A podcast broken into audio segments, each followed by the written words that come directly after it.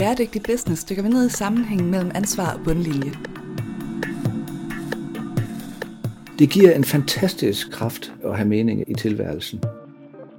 Indlandsisen smelter, isbjørnene dør, og hvis det hele ikke skal gå af helvede til, bliver verdens virksomheder nødt til at tage et medansvar for at skubbe udviklingen i en mere bæredygtig retning. Men kan det overhovedet betale sig at redde verden? Vi skal lære at måle det, vi værdsætter, frem for at være tvunget til at værdsætte det, vi let kan måle. Lyt med, når iværksætter Steffen Max Hø opsøger en række af landets førende eksperter, der skal hjælpe ham med at svare på det helt store spørgsmål. Kan man tjene penge på at være en ansvarlig virksomhed? Hej og velkommen til Bæredygtig Business. Mit navn er Steffen Max Hø, og i den her podcast tager vi land og rige rundt og taler med nogle af Danmarks klogeste mennesker om, hvordan virksomheder kan tjene penge på at tage et socialt og miljømæssigt ansvar. Når jeg fortæller folk om vores virksomhed 3R Kontor, oplever jeg tit, at særligt mange er optaget af, hvordan vi hjælper folk ind på arbejdsmarkedet, og hvordan vi donerer møbler til velgørenhed som en integreret del af vores forretningsmodel. Det lyder som meningsfuldt arbejde, siger mange, men hvad betyder det overhovedet? Og kan en veltilrettelagt CSR-indsats øge oplevelsen af meningsfuldhed og påvirke medarbejdernes motivation positivt? Vi har besøgt Hans Henrik Knob. Hans Henrik er en af mine gamle professorer for Aarhus Universitet, hvor han underviser i positiv psykologi. Og så er han et af de mennesker, der ved allermest om, hvordan meningsfuldhed hænger sammen med trivsel og motivation. Lyt med, når Hans Henrik fortæller om, hvorfor det er meningsfuldt at arbejde for noget, der er større end en selv.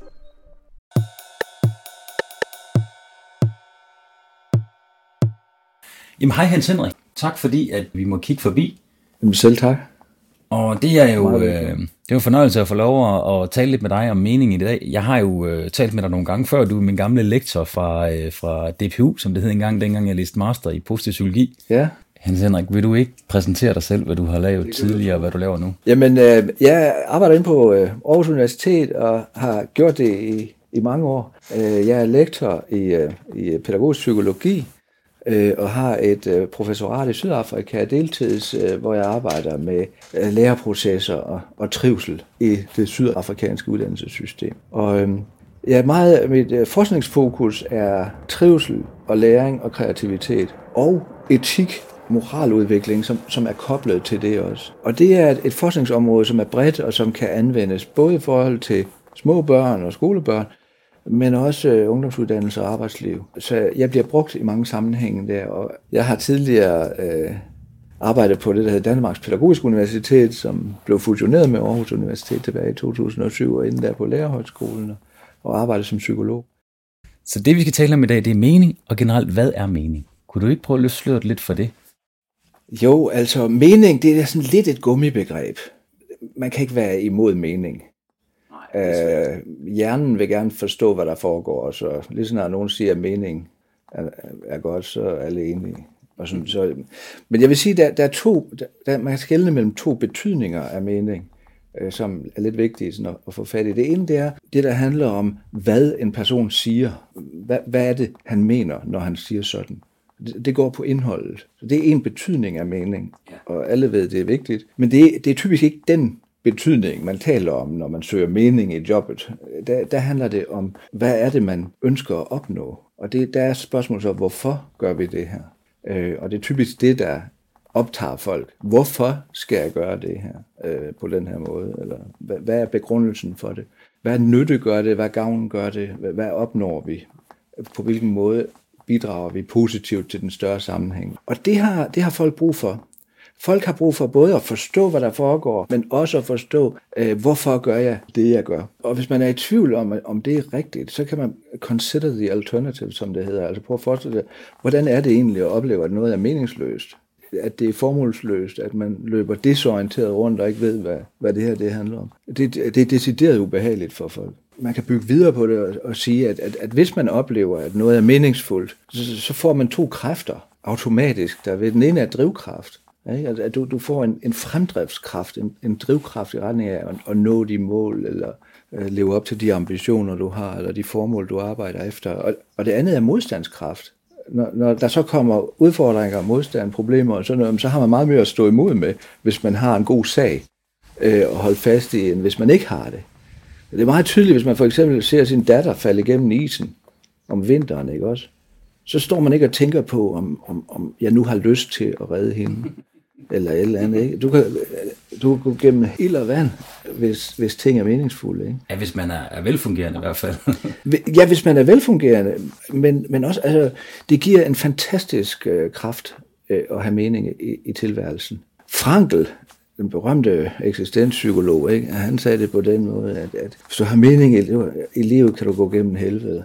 Og Churchill sagde det lidt anderledes, ikke? If you're walking through hell, keep walking. Der var lidt mere stok der, men, men det er rigtigt, det er, det er det samme råd. Og det kan man, hvis man kan se sig selv i spejlet, hvis man kan forstå, hvorfor er det her det rigtige at gøre. Og omvendt, og det er måske en, en næsten endnu vigtigere pointe, det er, at man kan bemærke, hvad prisen for at acceptere meningsløshed så er. Det er, at du mister din drivkraft, og du mister din modstandskraft ved at acceptere meningsløshed i arbejdet for eksempel, eller i hverdagen. Det er ikke noget, man skal joke med. Det, det er ikke en harmløs ting. Det er en, en afgørende dimension i tilværelsen, man sætter over styr der. Og det, det synes jeg jo er rigtig interessant, fordi at det lyder som, øh, at den medarbejder, der oplever mening, er meget, det er en meget ressourcestærk tilstand. Og det må jo være meget motiveret medarbejder. Det, det vil det være. Altså, det siger næsten sig selv, at du vil være mere motiveret for at gøre hvad som helst, hvis du kan se mening med det. Og vi ved det også. Altså, der er sådan øh, noget psykologi, den stærkeste motivationspsykologi, vi har nu, der hedder selvbestemmelsesteori, og som blandt andet fortæller, at alle gode dage vil være kendetegnet ved, at der er tre behov, der er opfyldt. Øh, det ene behov er, at man er socialt forbundet, at man synes, man hører til der, hvor man er, at man ikke er ufrivillig ensom i tilværelsen. Der er stort set ingen, der kan huske dage, hvor de føler sig udenfor og mobbet og uønsket og sådan noget, og som tænker, det var egentlig meget fedt, det, det vil jeg prøve igen. Det sker ikke. Og det andet, man har brug for, det er sådan en, en optimisme, en tro på, at man kan klare de ting, der kommer med en eller anden sandsynlighed.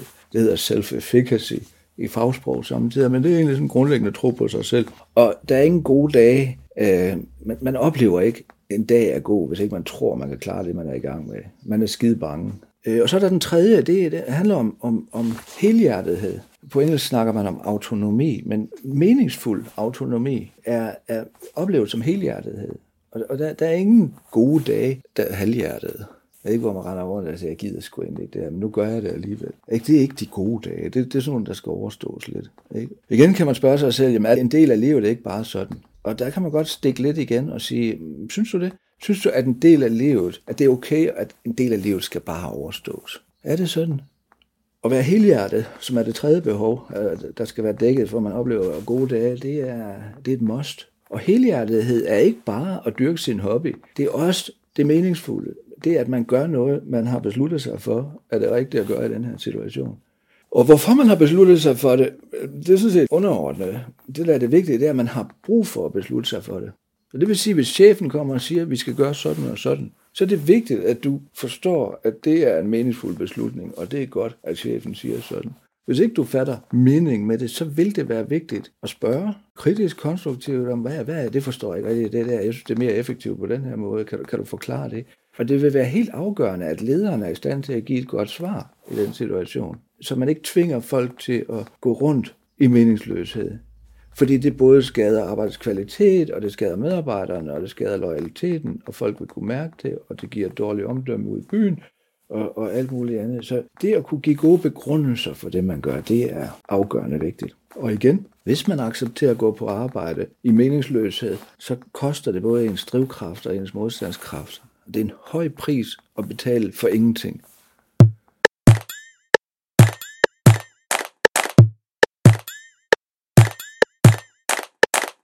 Så, så trivsel, I, tænker du, er vigtigt for, at en medarbejder trives godt på arbejde, men i det hele taget også for, at, at personen bliver ved med at være, være rask. Så det er, det er sådan et, et fælles ansvar, at folk de trives godt for, at de performer godt på arbejde og bliver ved med at være sunde. Jeg vil, jeg vil sige, jeg sagde før det der med, at, øh, at resiliens er næsten et synonym for sundhed. Men, men du kan også sige, at trivsel er et synonym for sundhed. Så hvis du, hvis, og, og det er ikke bare sådan en, en konstruktion. Det, det, hvis du kigger ud i haven og ser alle planterne, der spiger nu, øh, så vil man sige, at det er symptomer på, at de trives. De er sunde og raske. Ikke? Øh, dyr, som fungerer, render rundt og gør det, de nu skal, det, det, de trives. Og børn, der leger, eller mennesker, der er nysgerrige, og som har mod på livet og synes, at, at det hverdagslivet er interessant, de, de er sunde og raske. Så et meningsfuldt arbejde, er det et synonym på, at man trives? Ja, og at, at, man, at det er sundhedsfremmende. Øh, det er ikke bare sundhedsfremme på arbejdspladsen i dag er ikke bare et spørgsmål om asbest og ergonomi i kontorstole sammenhæng og sådan noget. Det, det er også, at, at også der, der, er tryg, der er tryghed nok, at, at, at rammerne er i orden, at man har en oplevelse af, at det gør en forskel, om man er der eller ej. Og det er jo rigtig spændende, det her med, om man, øh, om man føler, at man gør en forskel eller ej. Fordi jeg oplever tit, når jeg er ude enten til konferencer omkring øh, CSR, eller jeg er ude og lave foredrag omkring det, at der er mange mennesker, som synes, det er interessant det med, at, at vi arbejder i tre kontor med noget, hvor vi hjælper andre. Vi er, er aktive omkring at gøre miljøet bedre, og at der er mange, der, der gerne vil have den del i deres arbejdsliv. Mm. Og det er sådan en, en meget fluffy del, som ikke længere handler om økonomi, Selvfølgelig skal der tjenes nogle penge, men de er meget opsatte på også at gøre noget, hvor de hjælper andre. Ja. Hvad tænker du om det? Er det et afsavn, mange har, eller?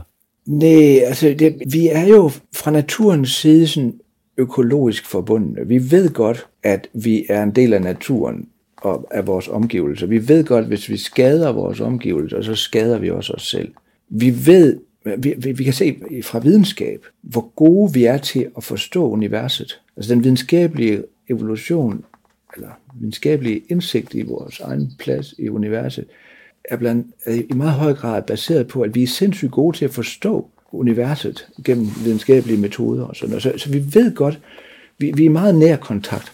Øh, gennem millioner af år har vi også været sansende med alle fem sanser hele tiden. Så, så, så, så det der med at være i forbindelse med sine omgivelser, det ligger meget, meget dybt i os.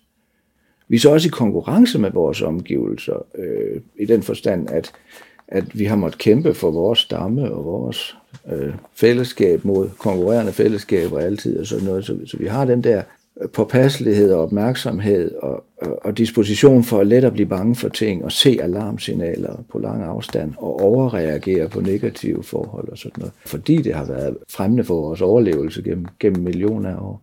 Men når, når, når man så har et erhvervsliv, eller man har et arbejdsliv nu, hvor, hvor folk jo også konkurrerer med hinanden, i hvert fald i den private sektor, og jo også dels i den, i den offentlige, så øhm, er der mange, der, der godt kan se, at det her, det, det at, at vi prøver at gøre vores bedste, det må, det må jo ikke skade helheden.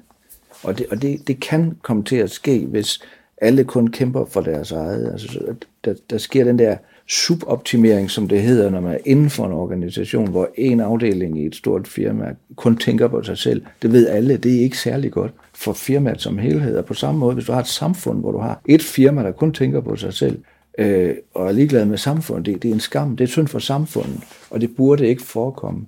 Øh, man har så tidligere ladt, være sådan lidt øh, laissez-faire i forhold til det, fordi man har haft den der markedsforståelse af, at jamen, det, samle, det sammen vil det blive godt. Så går tilbage til Adam Smith, øh, kapitalismens grundlægger, filosof. Han var moralfilosof, ikke? Han siger, at kapitalisme det er en rigtig social ting, fordi du kan ikke gøre noget som helst på et marked, uden først at tænke på, hvad har de andre brug for. Så medmindre du, du dækker nogle behov for de andre, så kan du ikke sælge noget. Og det er rigtigt, når det er på et fiskemarked, et torv, en lille by, ikke, hvor alle kender alle, øh, hvor du kan overskue hele udbuddet, og, og, og hvor snyd øjeblikkeligt bliver straffet, ikke også? Og det undlader man, fordi man er, man er afhængig af at have et godt omdømme. Alt det ændrer sig, når, når der bliver flere, og man kommer ind i større fællesskaber. Der er sådan en grænse ved cirka 150 personer, hvor det begynder at blive fremmedgørende. Og hvor man ikke kan følge med i det mere, og, og hvor man er nødt til at etablere flere øh, niveauer, flere magtniveauer. Og, og, og der starter det, man psykologi og sociologi kalder fremmedgørelse. Man bliver et, en del af et, tandhjul og sådan noget. Og når man ikke længere kan se, hvem der er årsag til, at man er der, og man ikke længere kender kunderne øh, og kan se effekten af det, man gør, så bliver ens økologiske forståelse også mindre. Og der er det naturlige, det er at take care of number one. Altså pas på dig selv du ved jo ikke hvad der er, noget om det andet, men du ved da, om du selv har det godt og sådan noget. Det, det, kan, det kan skabe sådan en meget egocentreret øh, måde at arbejde på. Og der er det igen vigtigt, at man, hvis man er et stort firma, at man har ledere, som er i stand til at i tale sætte den der store firmafiktion om, hvad det er det, vi er her for. Når jeg siger fiktion, så er det ikke nedladende, så er det bare fordi, det er noget, man har besluttet sig for. Det kunne også have været noget andet. Øh, på en måde, som, som folk kan identificere sig med at finde, finde mening og stolthed i at, at, at følge. Og hvis det er en, en samfundsskadelig vision, så følger folk det ikke mere. Det, det, der, der er oplysningsniveauet nu på et niveau, så vi, vi er simpelthen nødt til at tage hensyn til helheden, øh, også selvom vi prøver at gøre vores bedste og, og, og, og klare os i konkurrencen. Vi er nødt til at gøre det på en måde, som samlet set overbeviser os om, at, at vi, vi er en, en, en gavnlig kraft i samfundet. Så hvordan gør man det mere meningsfuldt at løse for eksempel globale problemstillinger? Fordi at, at lige nu er det jo vanskeligt. Det er som om alle folk er godt klar over, at vi har nogle problemer med klimaforandringerne. Men den her helt store kollektiv bevægelse, der arbejder mod en løsning på de globale problemer, den kan man ikke rigtig se. Er det simpelthen fordi, at, at helheden er blevet for stor til, at vi kan overskue det? Du kan ikke overskue helheden, øh, men du kan, du kan forstå helheden via visualiseringer og Google Earth og fotografier af Nordpolen og isen, der smelter og, og sådan nogle ting. Du, du, du kan godt forstå det, men det der er hæmmende der blandt andet, det er, at, øh, at der er en forsinkelse. Så du gør noget, men du kan ikke umiddelbart se en effekt. Så du må forestille dig effekten af det. Det er ikke så motiverende, som hvis du kan mærke det direkte. Øh, det, det skal helst komme altså, øjeblikkeligt. Hvis du skyder til en bold, så skal du gerne se, om du scorer eller ej, sådan cirka med det samme. Ikke? Der skal ikke være ret meget tidsforsinkelse på det. Så det, det er en af de vanskelige ting, når vi snakker økologi, det er, at effekterne kommer meget senere. Øh, og, og den der ventetid der, den er usikker, og nogen glemmer helt, hvad det er, de er i gang med. Øh, så så det, det er en ting. En anden ting er, at, øh, øh, at der ikke er et klart billede. Og det, der er journalisterne igen øh, en, en hovedkraft, en vigtig kraft, som ikke rigtig udfylder deres rolle. Øh, der er et, et, øh, svensk projekt, der hedder Gapminder-projekt. Jeg ved ikke, om I kender det, men, men det er sådan et, øh, det er sådan et, et projekt, som en, en nylig afdød statistiker, Hans Rosling, sat i gang, og som hans søn fører videre nu, og som egentlig bare har til formål at, at hjælpe med at fortælle, hvordan ting faktuelt er. Falder børnetallet, eller gør det ikke? Chimpanser er bedre til at gætte det end mennesker. Fordi chimpanser gætter rigtig halvdelen af gangene, og mennesker kun en tredjedel af gangene. Fordi det billede, de har af børnedødelighed, det er anekdotisk. Altså det, det er, de ser nogle stærke billeder af børn, der dør. Øh, de ser ikke de der 300.000, der bliver løftet ud af fattigdom hver dag, fordi det er sådan noget abstrakt statistik. Det er for langhåret. Men her er en, der er kommet til skade. Øh, og, og hjernemæssigt, der er vi meget bedre til at forstå anekdoter og billeder og konkrete ting, end, end de der abstrakte ting. Så, så man har et billede af, at det ikke kan betale sig. Det er nemlig en af følgevirkningerne af, at man har et, et meget... Øh, skævt og misvisende, negativt orienteret billede af udviklingen, hvor det ser ud til, at det hele går dårligere, selvom det går bedre. Hvis folk tror på det, og det er der mange, der gør, at det går dårligere, øh, så vil de også være tilbøjelige til at udvikle en form for fatalisme. Fordi de ved, at vi har kæmpet for det i mange år. Bare tag den der historie om fattigdom og ulandshjælp i Afrika. Ikke? Nu har vi kæmpet i 25 år, og det hjælper jo ikke. Alle afrikanske lande stort set i fremgang. Noget af det, jeg synes, der er rigtig interessant, det er det her med, om en medarbejder bliver mere motiveret af at arbejde i en virksomhed, hvor bundlinjen er mere end bare økonomi, eller om man godt kunne stille gode vilkår op for en medarbejder, så de er fuldt ud motiveret og opnår den største grad af mening ved kun at fokusere på at tjene penge. Kan man stille det op på den måde? Ja, du kan i hvert fald sige, at der er masser af historier om, hvad der sker, hvis et firma er mere end økonomi. Et af de mest kendte, det er Southwest Airlines efter 9-11. Altså da angrebet på World Trade Center fandt sted, der umiddelbart efter, der var der jo flykrise over det hele, og der var luftfartsselskaber, der lukkede og sådan noget, og man, der, rigtig mange blev fyret. Men der var, der var et selskab, som nægtede at fyre folk, det var Southwest Airlines i USA, og de, de sagde, ja, det koster os nogle milliard, øh, en halv milliard eller et eller andet at beholde jer, men, men vi vil ikke fyre folk, vi vil ikke udsætte de her familier for det her efter deres lange tro tjeneste i vores firma. Så det tager vi på vores skuldre. Og alle historier om det, jeg kender til at have hørt om, de fortæller, at øh, loyaliteten blandt de her medarbejdere, den steg endeløst. Respekten for ledelsen steg enormt. Øh, kvalitets omsorgen hos medarbejdere, der har ledere, som behandler dem på den måde, den er nærmest grænseløs. Og det er ikke noget med, at, det er ikke noget med hamsterhjul, eller nu slider vi os selv helt ned, eller nu sætter vi ikke grænser. Nej, ikke du får en fantastisk drivkraft af det. Og, og de fleste ved det også, at det, der er en reciprocitet, altså en gensidighed i leder-medarbejderrelationer, som er fantastisk vigtig. Hvis du for eksempel har en med, øh, man, man kender det generelt, man siger, hvis man har høje forventninger til en person, så, så har det en, en meget stærk løftende effekt. Hvis, man, hvis en person tror på dig, jamen, så du kommer til selv at tro mere på dig, og du får den der drivkraft i retning af, at jeg gerne vil leve op til forventningerne, ikke? og nu må jeg ikke skuffe ham og sådan noget. Ikke? Øh, vi kender det i skolen, der er noget, der hedder Rosenthal-effekt. Altså hvis lærerne tror på eleverne, så bliver de langt dygtigere, end hvis lærerne ikke tror på eleverne. I et uhyggeligt omfang øh, endda.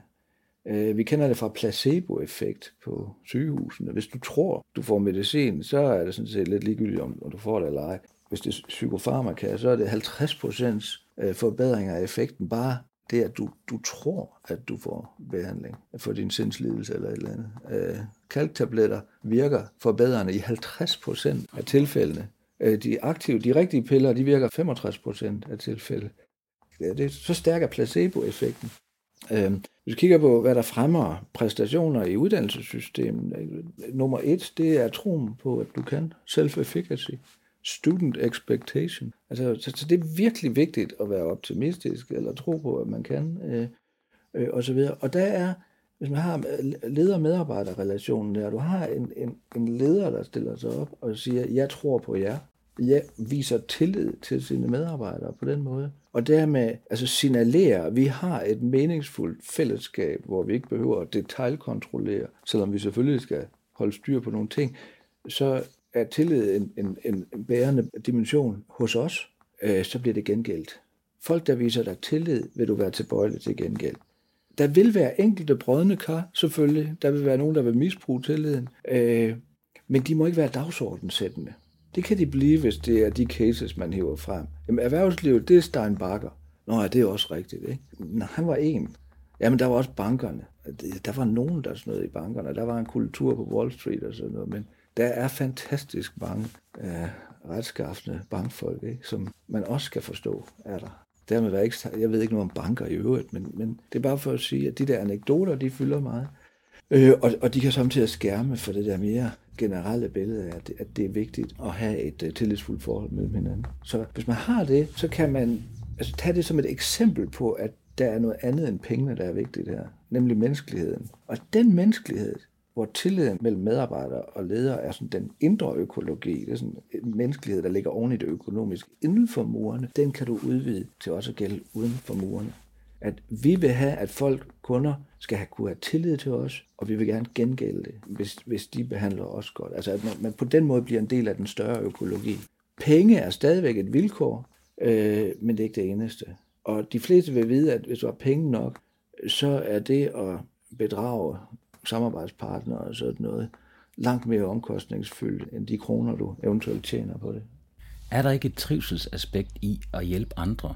Jeg mener, hvad er det, der sådan, øh, hvis man øh, tror på evolutionsteorien, som der gudskelov mange, der gør, hvordan kan det være, at mennesker de har hjulpet hinanden sådan i en altruistisk optik igennem tiden? Jamen, der, der er dels det, at du selv får noget ud af det. På savannen havde du ikke en chance for at overleve alene. Der er leoparder og løver og alt muligt fjendtlige artsfælder, så du har ingen chance for at overleve alene. Så, så, så du er nødt til at være i gruppe. Og for at kunne være i en gruppe, er du nødt til at acceptere hakkeordenen, hvis det er sådan en, der øh, du bliver nødt til at være troværdig, ellers så bliver du straffet. Du er simpelthen nødt til at indordne dig under fællesskabets rammer, for ikke at blive udstødt og dermed dø. Og det starter fra fødslen, et nyfødt barn har ingen chance for at overleve alene. Vel? Så, så det er en meget, meget dyb øh, adaptation. Altså, vi har der af fællesskab. Så, så selv i dag vil folk være næsten paniske i samme øjeblik, de oplever, at der er trusler om, nu bliver jeg snart fyret, øh, nu øh, synes hun ikke, jeg er god nok længere, øh, nu øh, kan de ikke lide mig. Øh, mobning i skolen. De der, vi reagerer altså uforholdsvis stærkt på det. Altså, du lever i et velfærdssamfund, du dør ikke af det vel, men vi reagerer stressmæssigt, som om vi skulle dø, som om vi blev angrebet af en rovkat. Så, så det er sådan en forklaring på, at vi vil fællesskabet, og en, en del af, af prisen for at være et fællesskab, det er, at du behandler de andre godt, mod at de så behandler dig ordentligt. Det er sådan en reciprok altruisme, hedder det.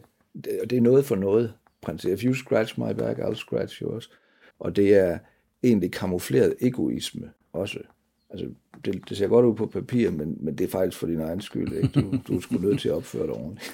Men det lyder jo lidt som om, at et fællesskab er nok i sig selv, hvis de bare ikke kommer over de her øh, 150 personer, du talte om. 150 personer, det, det er sådan noget, man er, er sådan ret enige om i antropologien og evolutionspsykologien og sådan noget. Det, det er det, vi kan kapere. Vi, vi kan følge med i 150 personers liv. Og man kan selv prøve at tælle efter, hvor mange kan du huske navnene på, og, Øh, alt inklusive familie, klassekammerater. Øh, det. Når det er mere øh, soldater, kan godt klare sig uden ledelse, hvis de er 150 cirka. De, de, de kan godt fungere som sådan et broderskab. Øh, de behøver egentlig ikke øh, kommandør. Eller... Men når der er flere, så kan du ikke længere huske, hvem der er hvem.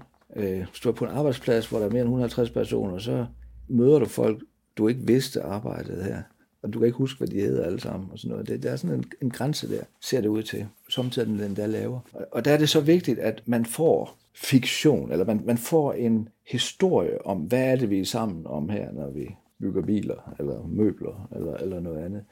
Det giver ikke sig selv ud fra den der direkte øh, altruisme, øh, som man har i, i broderskabet. Men altru, behovet for at gøre nytte, behovet for at føle, at jeg er værdifuld for mine omgivelser, ligger meget dybt i os. Det, det, det starter som forældre. Du ved, at hvis ikke du har en, en vigtig indflydelse på dine børn, så stakkels de børn. Ikke? Øh, hvis ikke du bliver anerkendt af dine kolleger og samarbejdspartnere, ikke, jamen, så kommer det til at gå dig dårligt i tilværelsen, i hvert fald i den der arbejdssammenhæng. Hvis ikke der er nogen, der kan lide dig. Så vi ved, at vi er nødt til at gøre et positivt indtryk på, på vores omgivelser for at komme godt igennem tilværelsen. Og, og det er en del af kilden til altruisme. Øh, der er så det der egoistiske komponent i det, men der sker så det, at jo, jo klogere vi bliver, jo dygtigere vi bliver, jo mere indsigt vi får, jo større bliver muligheden for at have empati med folk, som er fjernt fra os, og ikke kun vores børn og naboer og dem, der lige sådan noget for noget fordel i, i, i nabolaget. Jo større bliver muligheden for at have empati over for flere, og i princippet over for hele menneskeheden, og hundene og planterne for den sags skyld, altså den der, den der generelle empati.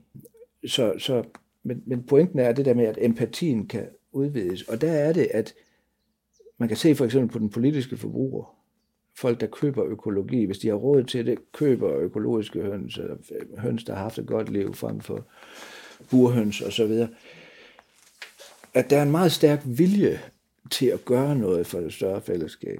Du får ikke selv direkte fordel af at, at, at købe et eller andet økologisk, hvis det i øvrigt er det samme produkt, men, men du, du gør det, fordi du har det skidt med, at der er dyr, der lider unødigt for din skyld, nu hvor du faktisk har råd til at forhindre det.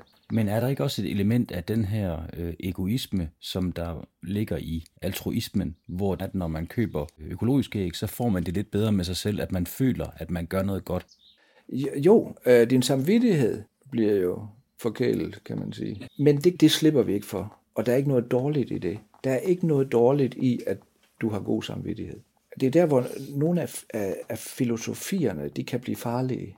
Altså hvis du har en pligtetik for eksempel, og en eller anden præst stiller sig op og siger, det er din pligt at gøre sådan her, og du siger, hvorfor de, der er andre filosofer, der siger det modsatte, ja, men vi står for det her, så, så har du egentlig kun fundamentalismen at, at argumentere ud fra, og, og, og det er et farligt grundlag, fordi det kan man ikke kritisere. Og det gælder også, når man snakker om altruisme eller nytte for eksempel. Det er også et begreb, der samtidig er blevet øh, altså i talesat på en negativ måde, fordi man, man har den der oplevelse af, at man kun gør noget med henblik på noget andet. Som om livet ikke er værdifuldt. Nu lever vi for det her, men det er bare for at nå noget andet. Og, og det, det er selvfølgelig en pointe, at vi skal, livet er ikke bare noget, man skal have overstået. Det er faktisk noget, man skal leve. Men, men at, at blande det sammen med, at det skulle være dårligt at gøre nytte, at det, det er helt forkert. Altså, der er ikke noget, der giver mere mening, end at være til nytte for andre. Det er sådan, det, det er sådan et begrebskollaps, der kan ske der, når man, når man gør det. Det at, at gavne noget, eller man gør noget henblik på det, eller noget har et formål, det er også, at det, det nytter et eller andet, det tjener en eller anden sag. Og det vil give vel også en følelse af meningsfuldhed ved at være noget for andre. Og at være noget for sine børn eller for sine venner må også generere en følelse af meningsfuldhed. Klart. Og, og det er det, når du så spørger, kan firmaer det der, giver det noget? Det, det giver en, det gør en verden til forskel, at man, når man sidder der i personalerummet, har en stolthed over, at vi hjælper nogen, vi redder nogens liv, vi forbedrer nogens tilværelse. Øh, vi er her ikke kun for vores egen skyld. Vi prøver ikke bare at hoppe over, hvor gær er lavest. Når den er der, så du får, du får mere loyale medarbejdere, du får mere holdbare medarbejdere, du får højere kvalitet i arbejdet. Du får en masse gratis kvalitetssikring, fordi de vil alle sammen, når de ser et eller andet, der er galt, selv spontant tage ansvar for det, fordi de har et ejerskab i forhold til det, som man ikke vil have, hvis det er meningsløst. Så kan man sige, men kan man ikke bare bygge alt det ind i en eller anden økonomisk kalkyl? Kan vi ikke bare sige, at vi driver virksomhed på det, og så nøjes vi med at kigge på, på, på tallene, øh, økonomien. Der er der den psykologi, at folk er tilbøjelige til at værdsætte det, de bliver målt på. Ikke? Og hvis man gerne vil have, at folk er opmærksomme på deres sociale og økologiske indflydelse på det større samfund, så mål lidt på det også. Og der er sådan et udtryk inden for evalueringsforskningen, der hedder, at vi skal lære at måle det, vi værdsætter, frem for at være tvunget til at værdsætte det, vi let kan måle. Ikke? Og trivsel værdsætter alle. Det, der er risikoen, det er, hvis der går byråkrati i det, og det bliver et overvågningssystem, så folk føler sig mere ufri på grund af den her indsigt, det nu har fået. Det kan ske, det bør ikke ske. Og det er lidt det samme med den tredobbelte bundlinje, når vi har CSR, altså social ansvarlighed øh, i store firmaer og på arbejdspladser, jamen, så skal det ikke udmyndes i et større byråkrati først og fremmest. Det skal først og fremmest udmyndes i en oplevelse af, at her er vi opmærksomme på det, der virkelig er noget værd. Hvordan måler man i grund trivsel på arbejde? Der er mange, der er store tilhængere af at lave mus-samtaler og diverse ting. Ja. Men har du nogle øh, foretrukne metoder? Ja, du spørger om de rigtige ting for det første. Du, du spørger om, hvorvidt folk oplever tilstrækkelig øh, frihed, tilstrækkelig styrkebasering, tilstrækkelig udvikling i arbejdet, hvorvidt øh, der er mad og drikke, og, og det er kropsligt sundt, hvorvidt øh, der er en god stemning i hverdagen, hvorvidt øh, redskaberne er ved hånden, øh, hvorvidt æstetikken er i orden, hvorvidt man kan fordybe sig og koncentrere sig om tingene, være i flow, øh, hvorvidt man kan, og, og der er mening i tilværelsen, altså om formål og så videre, hvorvidt de sociale relationer er i orden, øh, og opfordrer folk til nysgerrighed og foretagsomhed, su, su ting til dig, øh, og bruge det meningsfuldt, og så øh, spørge til, om folk lykkes med tingene. Tror du, arbejdet har fået en mere central rolle i den moderne persons liv? Det har fået en anden rolle. Øh, tidligere var der ikke problemer med mening, fordi du var fattig, og hvis ikke du arbejdede, så døde du.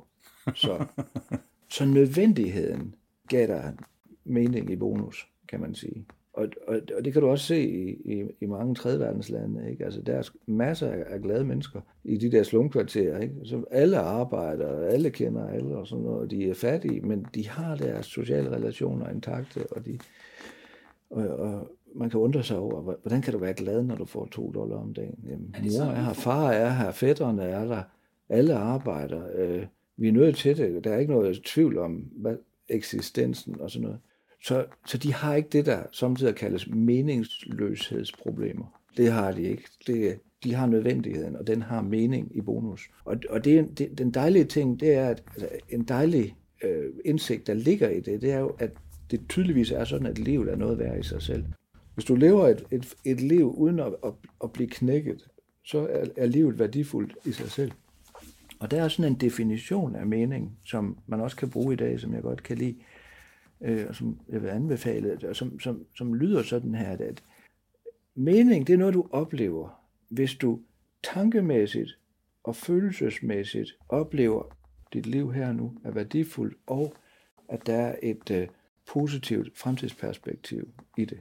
Hvis dine tanker og dine følelser samtidig bekræfter, at dit liv er værdifuldt her og nu, og dit liv har et positivt fremtidsperspektiv, så har du mening. Kan man opstille nogle kriterier for, hvordan man skaber en meningsfuld arbejdsplads? Ja. Sådan i bullets? Tre, tre bullets. Punkt 1. Du skal vide, hvad du vil. Det kan man kalde ledende idéer. Så ledende idéer, det er sådan, hvilke værdier arbejder vi for, hvad er det, vi prøver at opnå. Visioner, som er konkretisering af værdier. Konkrete mål, vi arbejder efter, og planer og sådan noget. Det, det, er, det er ledende idéer. Det handler om det, man vil. Det giver retning. Og, og det andet ben, det er, at man kan. Man har de, de kompetencer, der skal til for at realisere de mål. Og det er både teoretiske og, og hvad hedder det, metodiske, og også en helt konkret redskabsmæssigt, at skulle betjene computer, og hvad nu skal. Og det tredje ben, det er, at man gør det, det man siger, og det vil sige, at man har en infrastruktur, som er adaptiv, som er tilstrækkeligt øh, tilpasningsdygtig til ikke at blive for, en forstenet klods. Og hvis man har en kirke i Japan for eksempel, så ved den, den skal, strukturen skal ændres hver 20 år, ellers så bliver kirken irrelevant. Ikke? Det er sådan en, en anden måde at tænke tradition på. Det er noget af det, vi snakker meget om i dag. Men de der traditioner og pædagogiske traditioner, så det er Grundtvig, det må vi endelig ikke sætte over styr. Det er vigtigt at forstå, at selvom Grundtvig var en fantastisk person, så selve det, at det er en tradition, det er ikke i sig selv et godt argument. Altså taleforbud for kvinder er også en tradition nogle steder. Ikke? Øh, det bliver det ikke godt af i sig selv. Så, og det er vigtigt at forstå, at alle systemer de har det med at, at blive inertiske. De, de forstener. Øh, der er noget, der hedder systeminerti. De har det med at beskytte sig selv.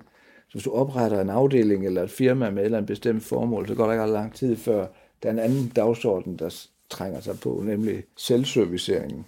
Det er baggrunden for, at vi har det, der hedder New Public Management, som er det her forkædrede begreb. Men en, en af bekymringerne, dengang man indførte det for 25 år siden, det, det var at superoptimering. Det var, de, altså, at mange ansatte de holder op med at, at gøre det, de er ansat til at begynde at varetage deres egen interesse. Og, og det bør bare ikke ske, og det vil være meget bedre at forebygge det. At man ved, det kan ske. Vi bliver en mafia, hvis ikke vi lige passer på, og så lige holder formålet for øje. Altså, vi er her faktisk ikke, ikke for vores egen skyld, vi er, vi er her for et højere formål, men øh, for at kunne leve op til det, er vi nødt til at passe godt på os selv. Er vi nødt til at trives. Og mening i tilværelsen er en livskvalitet, man ikke kan undvære, hvis man vil trives. Spændende. Har du ellers nogle bøger på vej? Ja. Du har jo skrevet nogle stykker. Er der ja. noget, du kan løfte sløret for? Det er jo altid interessant at høre. Ja, altså de, de største, vi har lavet sådan tre nationale rapporter her de sidste par år, som handler om de her tre elementer af gode dage, faktisk. Baseret på knap 300.000 skoleelever. Øh, det var ikke små ting. Danske skoleelever? ja. 4. Øh, til 9. klasse. En rapport, der handler om øh, kedsomhed i skolen. Et 200 år gammelt problem, vi faktisk får skolen under nu, tror jeg. Et om fællesskab, hvor vi kan se, at altså hver fjerde elev har ikke noget godt fællesskab med deres lærere hver sjette elev har ikke noget godt fællesskab med deres kammerater, og hver ottende elev har hverken det ene eller det andet. Og de elever, der hverken har det ene eller det andet, de har mere mavepine og hovedpine, og manglende mening og manglende selvtillid og så videre, de er permanent stressede. Hvis du sidder i syv timer om dagen og er permanent stresset, så bliver du syg af at gå i skole. Det er et vigtigt budskab. Og nu, skriver vi om optimisme. Øhm, det kommer her til august. Øhm, Altså, tror eleverne på sig selv? Og hvad, hvilke konsekvenser har det? Jeg synes, det er skønt. Altså, og med det der empiriske grundlag, det er, det er muligvis verdens største undersøgelser. Fordi vi har de der nationale målinger. Og igen, altså det er vigtigt at forstå, hvordan bruger man trivselsmålinger, eller målinger i det hele taget. Mit bedste bud, det er på samme måde som instrumentpanelet i en bil. Det er information, som du kan bruge. Det siger ikke, hvad du skal gøre. Det informerer dig på baggrund af dine værdier, kan du så sige, hvad kan jeg bruge det til? Og både positiv og negativ information er lige vigtig. Hvis tanken er ved at være tom, vigtig information. Hvis den er fuld, det vil vi også gerne vide. Og på samme måde, hvis eleverne er optimistiske, dejligt. Hvis ikke, important. Vigtigt i en bil er så, at, der, at Rigspolitiet ikke har et kamera, der kigger på dig, mens du kører. Hvis de havde, ville det være en helt anden måde at køre bil på.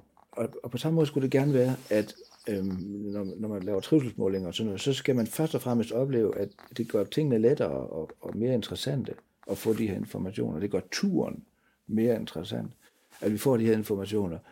Ikke mere angstprovokerende, fordi vi bliver overvåget.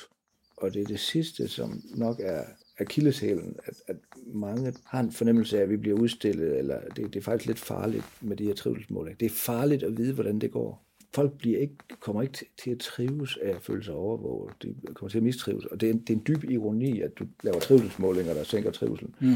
Så det skal bare ikke ske. Og det er det, jeg selv prøver at stå på mål for. Men, men kernen i det er, at vi måler noget, vi værdsætter, frem for at være tvunget til at værdsætte noget, vi let kan måle. Så det er meget spændende. Mange, mange tak for det, Hans Henrik. Det var en fornøjelse at tale med dig. Lige måde.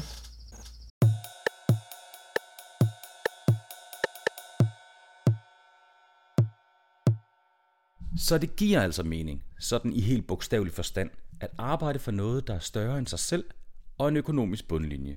Så hvis du mangler motivation på arbejdspladsen, kan det måske være en god idé at kigge lidt på meningsfuldhed eller mangel på samme.